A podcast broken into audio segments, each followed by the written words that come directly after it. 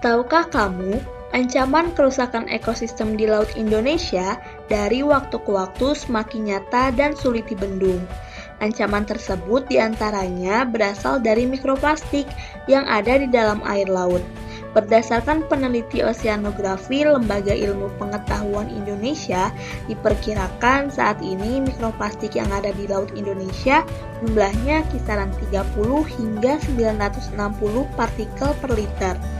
Bahkan, pada tahun 2010, Indonesia menjadi negara kedua penyumbang sampah plastik terbesar ke lautan dunia setelah Cina. Wow, ternyata sangat mengejutkan ya. Mungkin kalian masih awam ya dengan kata mikroplastik. Mikroplastik adalah komponen plastik yang sangat kecil dan dapat mencemari lingkungan. Meskipun ukurannya yang sangat kecil, mikroplastik ini justru sangat berbahaya.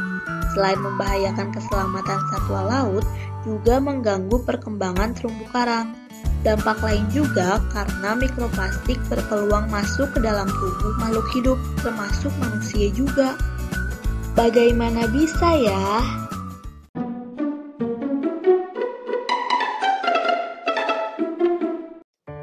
Jadi, ikan akan terkontaminasi oleh mikroplastik dan pada akhirnya manusia akan terdampak jika mengonsumsi ikan yang terkontaminasi oleh zat berbahaya ini. Tentunya akan menimbulkan sumber penyakit dan gangguan kesehatan pada manusia, seperti penyakit paru-paru, jantung, dan sistem kekebalan tubuh. Selain itu juga, beberapa bahan kimia dalam plastik dapat mengganggu sistem endokrin tubuh.